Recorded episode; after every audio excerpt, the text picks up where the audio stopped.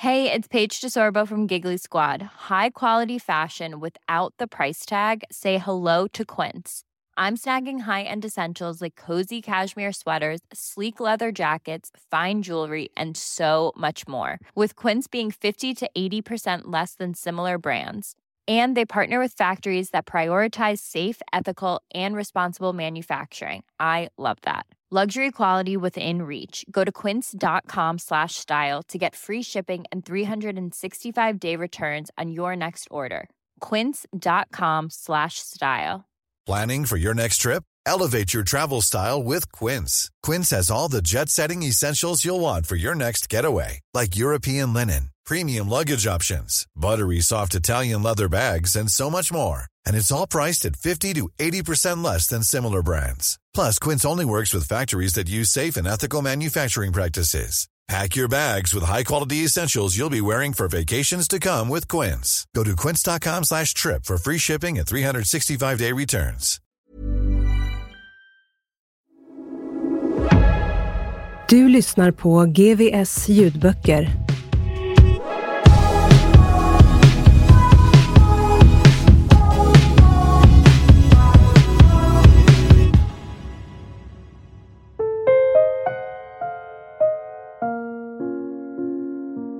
3. Mellan anstalt och resort. November 2012. I utkanten av Mazar-e-Sharif, huvudstad i den nordliga provinsen Balk, ligger Camp Northern Lights, centrum för den svenska militära insatsen i Afghanistan. De runt 500 soldater och de knappa hundratal civilanställda som huserar här är den svenska utrikespolitikens fortsättning med andra medel. Sveriges väpnade styrkor. De ska genom en kombination av fredsbevarande och fredsframtvingande insatser stabilisera en nation som är långt ifrån välvilligt inställd till utländsk närvaro och deltar, om än lågintensivt, i USAs hårt kritiserade korståg mot terrorismen. Det är vårt första krig efter rekordlånga 200 år av fred. Med jämna mellanrum blossar en indignerad debatt upp om krigets baksidor om den svenska regeringens agenda och om hur demokratiskt det egentligen är att intervenera i främmande länders interna angelägenheter. Men soldaterna är inte bara politiska spelbrickor. De är också anställda. Sverige har sedan 2010 ett yrkesförsvar. Basen är inte bara en militär anläggning utan också en arbetsmiljö vilket vi tar som intäkt för att sälja in ett arbetsplatsreportage av klassisk snitt till en facklig tidning. Arbetsmiljön ger vid första anblicken ett ganska trivsamt intryck. Northern Lights mäter en kilometer i omkrets och innanför de höga betongmurarna möts besökaren av ett ombonat miniatyrsamhälle där de nordiska inslagen känns märkligt exotiska. Karin Eriksson är Public Affairs Officer Militären är svag för engelska titlar och tjänstledig från sitt arbete som chefredaktör på Mariestadstidningen. Vi brukar säga att det är som en blandning mellan anstalt och resort, säger hon. Beskrivningen är träffande. Det är en instängd miljö på gränsen till klaustrofobisk där uniformer och hierarki för tankarna till insidan av ett fängelse men på samma sätt som det på turistorterna runt Medelhavet går att beställa svenska köttbullar serveras i matsalen Valhall jordgubbar till midsommar och sill till jul. Det säljs snus. Och här finns det gott om rekreationsmöjligheter. Soldaterna har tillgång till gym, biosalong, bibliotek och biljard. Det finns till och med en befattning som specifikt går ut på att maximera trivseln, en welfare officer som bland annat ska sörja för att soldaterna får sitt lystmäte av färska tidningar och tv-spel, se till att internet fungerar och helt enkelt vara en kompis om någon behöver prata. Hen verkar sympatisk. Jag försöker hinna anteckna allt mysigt Försvarsmakten gör för sina anställda samtidigt som perspektivkrocken i mitt bakhuvud skriker efter uppmärksamhet. Jag har varit fackligt aktiv och ser arbetsförmånerna som positiva Men jag har också precis vandrat sex kilometer för att komma till basen genom kvarter av lerhyddor som saknar grundläggande moderna bekvämligheter. Basen härbärgerar även det finska skyttekompaniet Tangolima. Men svenskarna för befäl och är i majoritet. Kanske är det därför finnarna nekar svenskarna inträde på det lilla saunaområde de byggt mitt på basen. Trots att de själva har tillgång till alla svenska faciliteter. Som mässen, som efter några torrlagda veckor äntligen fått in en leverans. Det blev kanske inte exakt de dryckesvaror som efterfrågades, men i Afghanistan får den törstige nöja sig med vad som bjuds och mannen bakom bardisken verkar lika glad ändå. Får du lov att vara rödvin eller rysk champagne? Jägarna är insatsens militära udd. Elitsoldater som ska klara såväl strid som avancerad underrättelseinhämtning på fientligt territorium. Under hela vår vistelse på kampen blir vi genomgående mycket väl omhändertagna. Men just från jägarna möter vi en avvaktande skepsis. Jag och Kristoffer drar oberoende av varandra slutsatsen att de kommit överens om att betrakta sig själva som lite tuffare än alla andra. En fördel med människor som måste upprätthålla bilden av sig själva som häftiga är att det är ganska enkelt att få dem att prata. Särskilt om ämnet är om dem själva. De tycker om att måla upp fängslande bilder av livet i fält för att i nästa andetag förklara att de minsann inte får berätta om det för oss civilister. Vi jobbar mycket med riktade operationer men jag kan inte gå in på vad det innebär, säger en jägarsoldat. De berättar om hotbilden, de fientliga omgivningarna, känslan av att konstant vara beredd, påfrestningarna och om hur de tack vare hård träning och noggranna förberedelser är rustade att hantera allt detta. Det som skiljer oss från en konventionell arbetsplats är att vi sätts under så hård press. Men jag trivs rätt bra med det.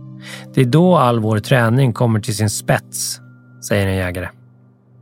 Vi är ett eh, elitinfanteri. Det är ett jobb som få klarar av att göra och därför behövs vi på den här positionen, säger en annan. Någon av dem börjar ställa frågor till oss. Hur vi bor, vad vi har för säkerhetsrutiner, var vi hittade chauffören som körde oss till kampen. Oavsett om det är av artighetsskäl eller intresse visar det sig bli något av en stämningsdödare.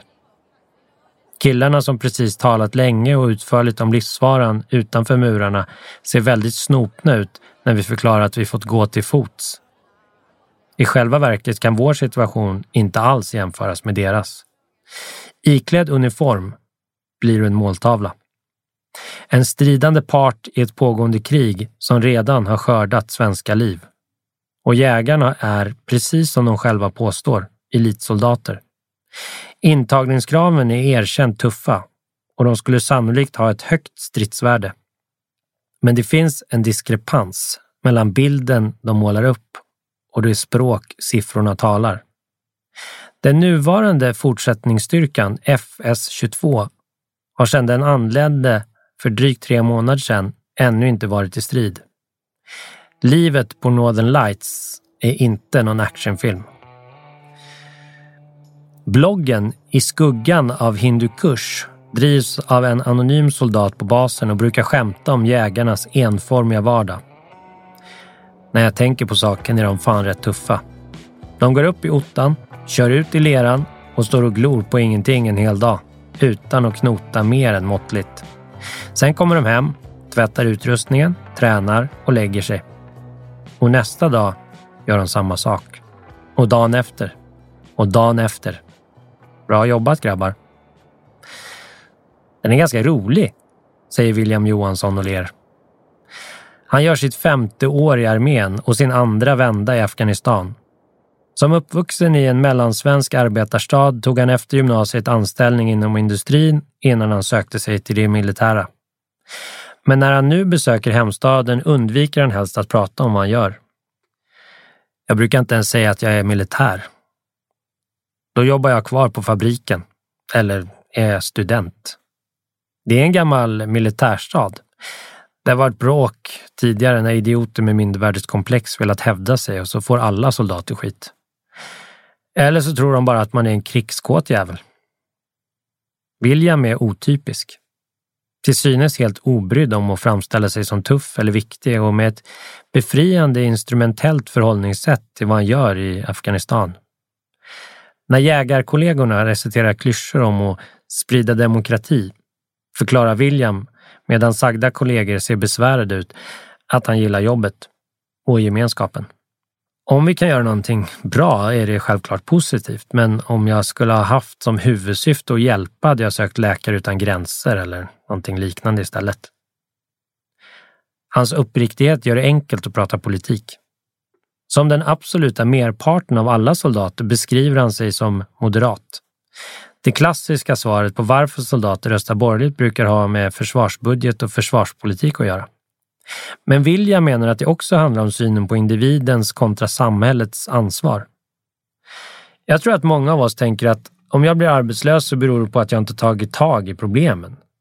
Medan jag har en känsla av att fler på vänsterkanten ser det som ett samhällsproblem. Det är många här som inte är med i a-kassan heller, säger han. Jag blir aldrig helt klart över varför. Om det handlar om att hungriga vargar jagar bäst eller om att det är tuffare att klättra utan lina, men enligt jägarna är kollektiva försäkringslösningar till för veklingar. Jag har en känsla av att ju närmare man kommer skyttet, desto fler moderater blir det, tänker William högt. Jag vet inte varför. Samtidigt tycks jägarnas ideologi ligga närmare klassisk konservatism än den mer nyliberala drömmen om en nattväktarstat. Basen är inte avskild från vad som händer på hemmaplan och flera besparingsskandaler i äldreomsorgen har gett eko även på Northern Lights. Jag är väldigt höger, så jag tycker att mycket ska vara privatiserat, säger William. Men det är svårt att ta fram nya produkter i äldrevården. Då handlar det mer om att dra ner på kvaliteten. Jag tror att det blir mer kontraproduktivt i de fallen och jag tror att många här håller med mig. Samma sak med järnvägen. Det är för stora saker för att drivas i vinstsyfte. Överste Anders Lövberg är högste befälhavare över de svenska och finska styrkorna. Av sina underlydande beskrivs han i respektfulla termer. Som en pragmatisk och lyssnande ledare med en god analys av hur fattigdomen i Afghanistan påverkar säkerhetssituationen. Jag vill veta hur progressiv det egentligen går att vara på en hög militär befattning. Översten svarar att han inte är politiker utan enbart militär. Ett typiskt politikersvar. Många intervjuer utspelar sig någonstans i gränslandet mellan boxningsmatch och sällskapsdans. Men den exakta graden av konfrontation kontra samarbete är sällan helt fastställd på förhand. Översten vet att jag givetvis vill ha någonting som kan skapa rubriker. Jag vet att det är hans jobb att inte ge mig något. Efter ett tag inbillar jag mig att vi kommer ganska bra överens och helt enkelt snackar istället. Bara några månader tidigare i anslutning till tioårsdagen av USAs angrepp på Afghanistan har den legendariska amerikanska generalen Stanley McChrystal levererat dräpande kritik mot krigsinsatsen i dess helhet. Inställningen vid invasionen var skrämmande naiv och fortfarande saknar koalitionen tillräcklig kännedom om Afghanistan för att framgångsrikt avsluta kriget, hävdade mannen som fram till sommaren 2010 var ISAFs högste befälhavare. Den svenska översten vill inte recensera utlåtandena han pratar hellre om hur militära resultat politiseras av tyckare som saknar tillräcklig kunskapsunderlag. Det finns de som hävdar att insatsen är ett militärt misslyckande. Jag vet inte vad de baserar det på. Historiskt sett har man aldrig lyckats slå ut en motståndare. Man har lyckats skapa förutsättningar för civila lösningar. Och om man lyckas nå politiska mål med militära medel så är det bra. Kanske har översten rätt i bemärkelsen att ISAF fått ett tämligen omöjligt uppdrag och att ansvaret för detta är politiskt snarare än militärt. Men på marken kvarstår besvärande fakta. Strategiskt går ISAFs krig uselt. Trots den NATO-ledda koalitionens militära överlägsenhet fortsätter talibanerna att växa sig starkare. En civil lösning bortom status quo känns avlägsen. Det handlar om att få folk att välja sida. Det är så man kan vinna mot en gerilla, säger översten. Han får någonting stoiskt i blicken. Får man välja mellan att se sina barn svälta ihjäl och skjuta lite med ett gevär så är det inget svårt val. 85 till 90 procent av motståndet här är inte ideologiskt motiverat, utan ekonomiskt. Vi pratar om insatsens mål och legitimitet. Med dyra reklamkampanjer försöker Försvarsmakten framställa det nedskalade insatsförsvaret som en form av humanitär organisation på steroider. Men ett av soldaternas allra vanligaste klagomål är att de aldrig får klartecken att gräva de brunnar eller bygga de broar som skulle förenkla livet i byarna runt omkring. Försvarsmakten är genomhierarkisk och har i sista instans enbart att utföra order. Jag har hållit på med detta sedan 1978, säger översten. Det är naturligt för mig att utföra det som man hemma i en demokratisk process beslutat att man vill göra. Han tillägger snabbt, innan jag hinner ställa den uppenbara följdfrågan. Och det förutsätter ju givetvis att jag anser att situationen hemma vad gäller fri och rättigheter och det politiska systemet fungerar precis som den ska.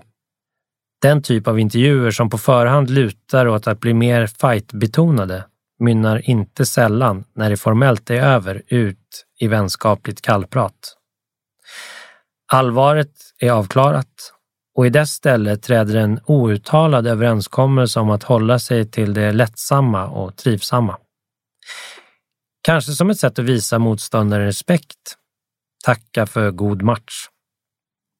Översten pratar om sin familjebakgrund, om svårigheter att hantera auktoriteter, om livet på basen och Lucia-tåget soldaterna ordnade i december. Vi hade många stjärngossar, konstaterar han.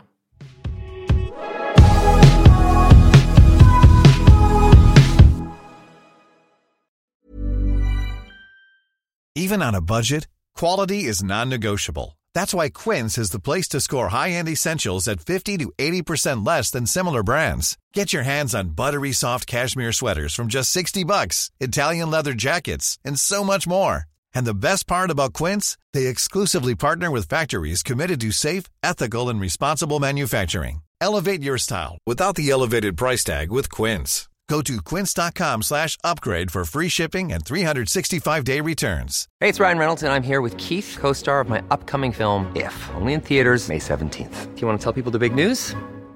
All right, I'll do it. Sign up now and you'll get unlimited for $15 a month in six months of Paramount Plus Essential Plan on us. Mintmobile.com slash switch. Upfront payment of $45 equivalent to $15 per month. Unlimited over 40 gigabytes per month. Face lower speeds. Videos at 480p. Active Mint customers by 531.24 get six months of Paramount Plus Essential Plan. Auto renews after six months. Offer ends May 31st, 2024. Separate Paramount Plus registration required. Terms and conditions apply if rated PG.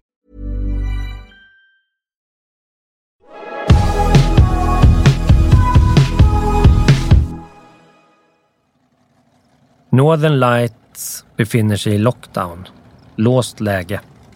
Flera patruller har ställts in med hänvisning till förhöjd hotbild efter koranbränningen i Kabul. Talibanerna har aldrig varit särskilt populära i norra Afghanistan och jämfört med den vilda södern är säkerhetsläget lugnt. Men konflikten finns även här och i orostider kan utländska uniformer alltjämt fungera som röda skynken och erfarenheten av tidigare koranbränningar skrämmer. Den 1 april föregående år, efter fredagsbönen, tågade en uppeldad demonstration mot FN-kontoret i Mazar-e-Sharif. I stadens berömda Blå moské hade flera religiösa ledare manat till protester efter att en amerikansk pastor bränt islams heliga bok. Sju personer miste livet när folkmassan stormade FNs relativt oskyddade lokaler. Däribland svenske människorättsjuristen Joakim Dungel. Militärens säkerhetsarbete pågår konstant och syftar till att tidigt fånga upp fientliga stämningar i det omgivande samhället, liksom hos lokalanställda inne på basen. För några år sedan krävde civil afghansk personal att få träffa den dåvarande befälhavaren efter att ha hittat ett exemplar av den populärvetenskapliga tidskriften Illustrerad vetenskap i ett toalettutrymme. Ett arkeologiskt reportage om det forntida Egypten hade innehållit en stor bild på en ank, en förlaga till det kristna korset. och afghanerna hade upprört förklarat det vanvördiga i att lämna en religiös symbol, oavsett religion, på ett smutsigt avträde. Direktiv om bättre kontroll på toalettlektyren skickades omgående ut till de svenska soldaterna. Respekt för lokala sedvänjor går hand i hand med omsorg om den egna säkerheten. Ett kvarlämnat exemplar av Illustrerad vetenskap innebär inte nödvändigtvis ett sluttande plan i riktning mot koranbränning. Å andra sidan, är du tillräckligt kulturellt finkänslig för att inte lämna pseudovetenskaplig kiosklitteratur på latrinen är risken att du eldar upp religiösa urkunder förmodligen obefintlig. De flesta jägarsoldaterna har utgångsförbud och får med sin egen terminologi inte rulla. Det får däremot gryningspatrullen, som i själva verket inte alls rullar, utan till följd av sina arbetsuppgifter tvingas gå till fots. Idag syftar patrullen till att visa närvaro och samverka med civilbefolkningen. Jag kommer att ha ett antal spaningsfrågor som jag smyger in i det allmänna samtalet, förklarar kapten Daniel Persson. Förberedelserna är omfattande. Först efter att ha övat ordnad reträtt, informerats om patrullens mål och gått igenom olika scenarier, inklusive befälens död, får vi lämna basen. Kaptenen läser upp en lång rad instruktioner. Internt pratar vi på kanal 5 Bravo. Om vi blir beskjutna kommer jag att kommendera korridor bakåt, genomför funktionskontroll av vapen, kolla att ni har packat första förband, anpassa klädseln, gå på toaletten om ni behöver det. Psyops är ett relativt nytt förband, inrättat efter amerikansk modell, som med Försvarsmaktens ord ska påverka beteenden och attityder hos målgrupper i ett konfliktområde. Vinna hjärtan och sinnen, som amerikanerna skulle ha sagt. Enheten skulle för all del ha kunnat kallas förbandet för psykologiska operationer. Men längs vägen bestämde någon att det behövdes en mer spionthriller-klingande beteckning och förkortningen fick bli namnet. Lubna El Shanti himlar med ögonen. Mycket i Försvarsmakten låter tufft. Mycket är tufft. Psyops är inte så tufft, säger hon. Hon är med sina 20 år näst yngst på basen och sökte som sista generationens värnpliktig till tidningen Värnpliktsnytt. Lagom till att den lades ner. Ett slag mot journalistambitionerna som delvis kompenserades av en oväntad möjlighet till utlandstjänstgöring tog henne från Stockholmsförorten Hässelby till Afghanistan där hon trivs jättebra för det mesta. När man kommer tillbaka hit efter semestern inser man att det är väldigt instängt. Även om jag älskar mina arbetskamrater har jag inte valt att leva mer än 24 timmar om dygnet. Det är en arbetsuppgift. Hennes förband, som bland annat ska behärska marknadsföring, kommunikation, sociologi, psykologi, antropologi och analys, har tagit fram de frågor kapten Daniel ska ställa då han interagerar med lokalbefolkningen. Listan på kompetenser är imponerande. Jag föreställer mig att kaptenen utrustats med en metodologiskt komplett verktygslåda full av sofistikerade kommunikationsinstrument som bygger tillit samtidigt som de omärkligt inhämtar underrättelser. Jag förväntar mig något modernt och överväldigande intelligent. Riktigt så blir det inte. Assalamu alaikum, säger kapten Daniel och lägger högerhanden över hjärtat när han hälsar butiksinnehavaren. Hur går affärerna? fortsätter han genom tolk. Inte illa, inte illa. Bra. Är allt lugnt här i området? Är ni oroliga för någonting? Eh, området är lugnt. Alla som bor här är bra människor. Vill du ha te? Nej tack, jag måste vidare. Det är detta som på militärspråk kallas att samverka.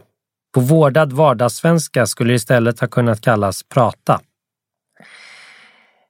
Det är inget fel på frågorna per se, men de lever inte riktigt upp till marknadsföringen och den tuffa agentretorik de klätts i. Och det är definitivt inget fel på kapten Daniel. Han ger ett genuint sympatiskt intryck. Men varje gång jag och bildjournalisten går ut för att handla frukt samverkar vi med fler civila afghaner än den runt 20 man starka gryningspatrullen gör på en timme. Jämförelsen haltar givetvis betänkligt men synliggör en i sammanhanget relevant fråga. Hur lämpade är egentligen väpnade styrkor att bygga förtroende? Till patrullens försvar ska anföras att den tycks ha ett visst underhållningsvärde. Svansen av uppspelta barn som följer efter svenskarna är stundtals lång. Det betraktas som ett positivt tecken. Om barnen är glada kan inte de vuxna heller vara alltför avvokt inställda, lyder resonemanget. Och soldaterna har instruerat att ta sig tid att hälsa på de unga afghanerna. Det myckna handskakandet drar ner takten, vilket enligt vissa bara är bra. Vad är det för jävla jägartempo de tänker hålla? Det här är en social patrull, klagar Miguel Guerro högljutt. Jägarna tycker att gryningspatrullen är en smula töntig. Eller åtminstone att de själva är väsentligt tuffare. Gryningspatrullen tycks dock ha en betydligt mer nykter inställning till hotbilden. Det ligger förmodligen i sakens natur. För att kunna fylla den tuffa identitetens skor krävs en hotbild. Faktisk eller fiktiv. Den som är mindre intresserad av att spela tuff har inte samma krav att leva upp till. Jag tror att jag tar en större risk hemma när jag går från krogen, säger Miguel. Han är journalist i civila. Om än från en annan del av den mediala sfären än jag och har i uppgift att beskydda mig om vi blir attackerade. Under tiden kommenterar han allting mellan de gråmulna molnen och lerjorden under fötterna. Jag kan inte bedöma hans kvaliteter som soldat, men han hade blivit en utmärkt radiopratare. En dörr smäller demonstrativt igen framför oss och avbryter tillfället den guidade rundturen. Miguel rycker på axlarna. Alla är inte översvallande vänliga. Men det är ju inte folk hemma heller. Och vem kunde klandra dem? De har haft utländska soldater som klampat runt här i tio år och vinkat. Soldater berättar många anekdoter. Berättelserna om förvecklingar, missöden och kulturkrockar blir en del av den enskilda utlandstjänstgöringens mytologi. De minnen soldaterna delar när de åker hem. Liksom en del av den större berättelsen om livet i det militära. Camp Northern Lights har en policy som tillåter max två öl eller glas vin per soldat och kväll. Den som ska på uppdrag nästföljande dag får inte dricka. Inte heller den som har beredskap. Policyn har egentligen aldrig blivit utmanad. Soldaterna rör sig enbart utanför basen på uppdrag och några möjligheter att smuggla in alkohol, inte direkt en stapelvara i det strikt muslimska Afghanistan, i det välbevakade fortet, finns inte. Men William återberättar en historia från insatsen i Liberia under mitten av 00-talet då några hundra svenska soldater kom att ingå i en irländsk bataljon stationerad strax utanför huvudstaden Monrovia. Då som nu tillämpade Försvarsmakten en gräns om två öl per kväll och anställd. Den irländska motsvarigheten hade ursprungligen ingen alls. Den beslutade inspirerad av den svenska att införa en egen alkoholbegränsning, 12 öl per soldat och kväll, bedömdes vara rimligt. När svenskarna hade vakten var den största utmaningen att hålla koll på fulla irländare, skrattar han. En annan anekdot, ljusblå och ungefär 6 kvadratmeter stor, hänger på väggen i Williams barack. De svensk-finska styrkorna ansvarar för säkerheten i tre provinser i norra Afghanistan. Balk, Jovsan och Saripul. Tills nyligen ingick även Samangan i ansvarsområdet. Men som en del i uttåget lämnades provinsen i december över till inhemska styrkor. Förutom anekdoter är militären svag för ceremonier. Och eftersom inga medlemsländer hade trupp närvarande fick svenskarna agera hedersvakter när NATO-flaggan under högtidliga former skulle halas. Sen snodde vi den, säger William. Han och de andra jägarna blir kallade till beachvolleybollplanen för att öva minröjning. Det är ju sand där med, konstaterar William sakligt. Röda rutor spraymålas på sanden och till instruktioner av ett befäl tävlar soldaterna med metalldetektorer om att kunna identifiera vilken typ av föremål som grävts ner. Det skulle bli ett fantastiskt vykort. De djupt koncentrerade soldaterna, Den lilla sandplätten och drömmarna om sommaren. Den höga grå betongmuren i bakgrunden. Och framför det hela är klarröd kursiv text. Välkommen till Afghanistan. Jag sitter och ler åt mina fantasier när verkligheten gör sig påmind. Övningen avbryts av en bulletin om att en patrull från skyttekompaniet Alfa Romeo kört fast och blivit beskjuten. Beskedet möts inte av vredgade rop om att rycka ut till vapenbrödernas försvar. Inte heller av några frågor. Soldaterna reagerar med resignerade suckar och enstaka höjda ögonbryn. Någon muttrar någonting om att leka i sandlådan. Det visar sig sedermera att patrullen attackerats med både finkalibriga vapen och en granat och besvarat elden. Incidenten kom på grund av eldväxlingen att räknas som den första formella striden under den nuvarande fortsättningsstyrkan. Ingen skadades på ändra sidan, men några veckor senare sker ett allvarligt tillbud. En ung skyttesoldat skadas svårt i båda benen när en vägbomb detonerar. Under tiden på basen har jag försökt utreda huruvida insatsens måluppfyllelse går att betrakta som en psykosocial arbetsmiljöfråga. Alltså om dess ansatser och faktiska förmåga att förbättra civilbefolkningens situation påverkar välmåendet hos de individer som är dess ansikte utåt. Det är ingen långsökt tanke. Om du tagit värvning för att hjälpa, men på plats märker att arbetsbeskrivningen var gravt felaktig, vore en viss besvikelse att vänta. Men ingen tycks riktigt förstå frågan. Kanske för att jag formulerar den illa. Kanske för att andra skäl föranlett yrkesvalet. Josefina Åsemyr är undantaget som bekräftar regeln. Den enda vi träffar vars motiv varit strikt idealistiska. Jag vet inte heller om det är rätt eller fel att vi är här, säger hon. Men jag pluggade på Kvinnohögskolan 1997 till 99 och vi diskuterade mycket om kvinnors situation i Afghanistan. Det var en oerhört stark drivkraft för mig. För det var fan inte okej okay hur de hade det. Idealismen är till sin natur ren. Men världen är till sin natur kladdig. En handling grundad i de ädlaste motiv kan innebära ett omedvetet kliv över en gräns. Josefina säger att det är viktigt för henne att tro på insatsen, vilket i sin tur komplicerar tidigare politiska övertygelser. I fundamentet betraktar jag mig definitivt som vänster, men jag vet inte om jag kommer rösta på Vänsterpartiet igen. Det är en intressant fråga. Kan man vara vänster när vänstern hemma säger att vi inte borde vara här? Också de soldater vars val styrts av andra motiv tycks i hög utsträckning ha accepterat bilden av den egna sidan som den goda. Och tycks ha det besvärligt när den krackelerar. Förut har vi suttit på en hög moralisk häst. Vi följer krigets lagar. Det gör inte alltid motståndssidan. Men när amerikanerna pissade på lik togs vi ned från den hästen, säger William apropå en incident någon månad tidigare. Han lastar vant in tunga kulsprutor och granatgevär i ett lätt bepansrat terrängfordon av typen RG32M, populärt kallat Galten. Försvarets materielverk rekvirerade i mitten av 00-talet drygt 100 exemplar av den problemdrabbade 17-tonsbjässen. Galten uppvisade länge en oroväckande benägenhet att i pressade lägen lägga sig på rygg. Från vapentillverkaren BAEs sydafrikanska filial.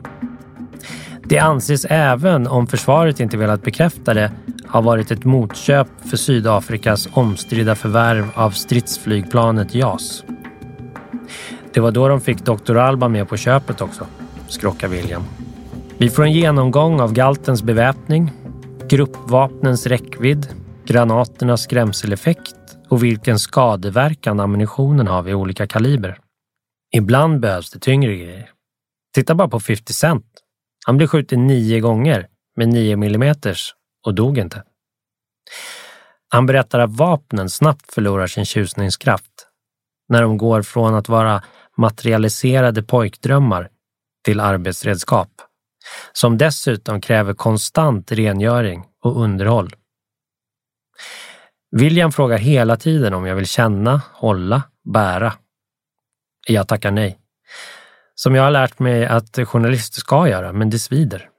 Krigsredskapens populärkulturella konnotationer är starka och min motståndskraft är inte oändlig.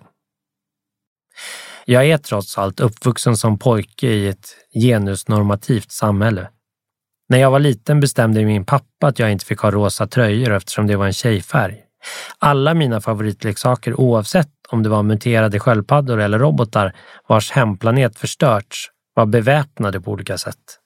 Insocialiseringsprocessen har varit livslång. Jag ger vika. Han kallar det för ett GRG, men det korrekta namnet är granatgevär M86 eller Carl Gustav, den svenska vapenindustrins allra största exportsuccé som vid flera tillfällen används både av diktaturer och mot civilbefolkningar. När jag i efterhand tittar på Kristoffers bilder förstår jag den verkliga anledningen till att journalister i krigszoner inte ska posera med vapen. Jag ser ut som en total idiot. William lastar in det sista och frågar om jag vill köra. Den här frågan är betydligt enklare. Efter att ha tvingats ta spjärn med fötterna för att baxa upp galtens 100 kilo tunga dörr tar jag plats i vad som mer känns som en cockpit än ett förarsäte. Jag kör visserligen med skräckblandad förtjusning och bara en kort sträcka. Men särskilt svårmanövrerat är det inte. Som en stadsjeep med traktordäck och undermålig komfort. På Northern Lights begränsade område får fordon bara köra medsols medan motionärer bara får springa motsols. Några joggande soldater ser förvånade ut. En joggande officer ser besvärad ut. Är det här tillåtet? frågar jag. Nej, svarar William. Bara minuter efter att vi lekt färdigt kommer en av Williams överordnade förbi med några soldater i släptåg.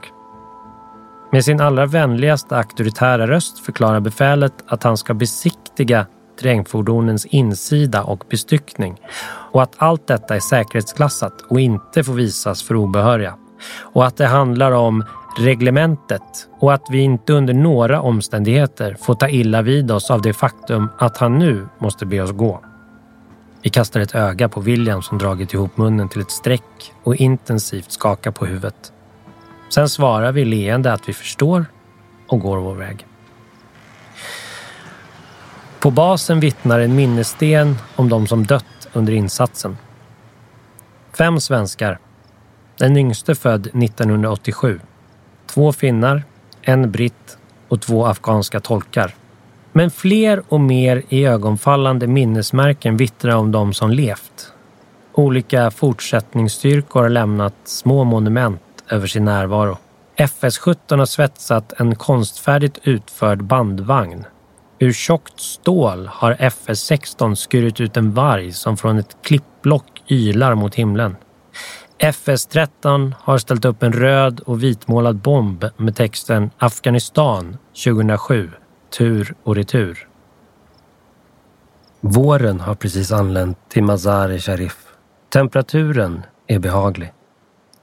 Vi måste inleda säsongen nu, förklarar två finska skyttesoldater glatt när de iklädda badbyxor klättrar upp till soldäcket. Utanför murarna är det fredagsbön. Innanför murarna är det våffelfredag. De går loss på en dollar styck och pengarna går till något välgörande ändamål i närområdet som soldaterna röstat fram. Kvällen kommer de kunna ägna åt att träna, surfa eller spela tv-spel eller utöva yoga. Klasserna anordnas i basens kapell, ett ställföreträdande allaktivitetsrum där förutom gudstjänster även line kurser högskoleprov och finska presidentval har hållits. Instruktör är en politisk rådgivare kopplad till ambassadens sektionskansli på basen. Det är inte riktigt som vanlig yoga, säger hon. En del soldater tar i för kung och fosterland oavsett vad de gör. Så jag blir tvungen att säga till dem så att de inte gör sig illa. Vi lämnar Northern Lights till fots med bilden av yoga-invalidiserade elitsoldater på näthinnan och övertygade om att vi har material för att sätta samman det mest skruvade arbetsplatsreportaget någonsin. Uppdragsgivaren vägrar att publicera det. Vår skildring av soldaterna och deras arbetsmiljö anses ge en för positiv bild av den svenska krigsinsatsen.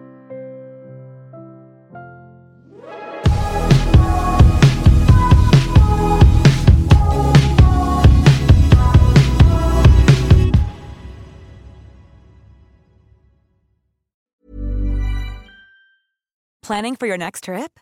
Elevate your travel style with Quince. Quince has all the jet setting essentials you'll want for your next getaway, like European linen, premium luggage options, buttery soft Italian leather bags, and so much more. And is all priced at 50 to 80% less than similar brands. Plus, Quince only works with factories that use safe and ethical manufacturing practices. Pack your bags with high-quality essentials you'll be wearing for vacations to come with Quince. Go to quince.com slash pack for free shipping and 365-day returns.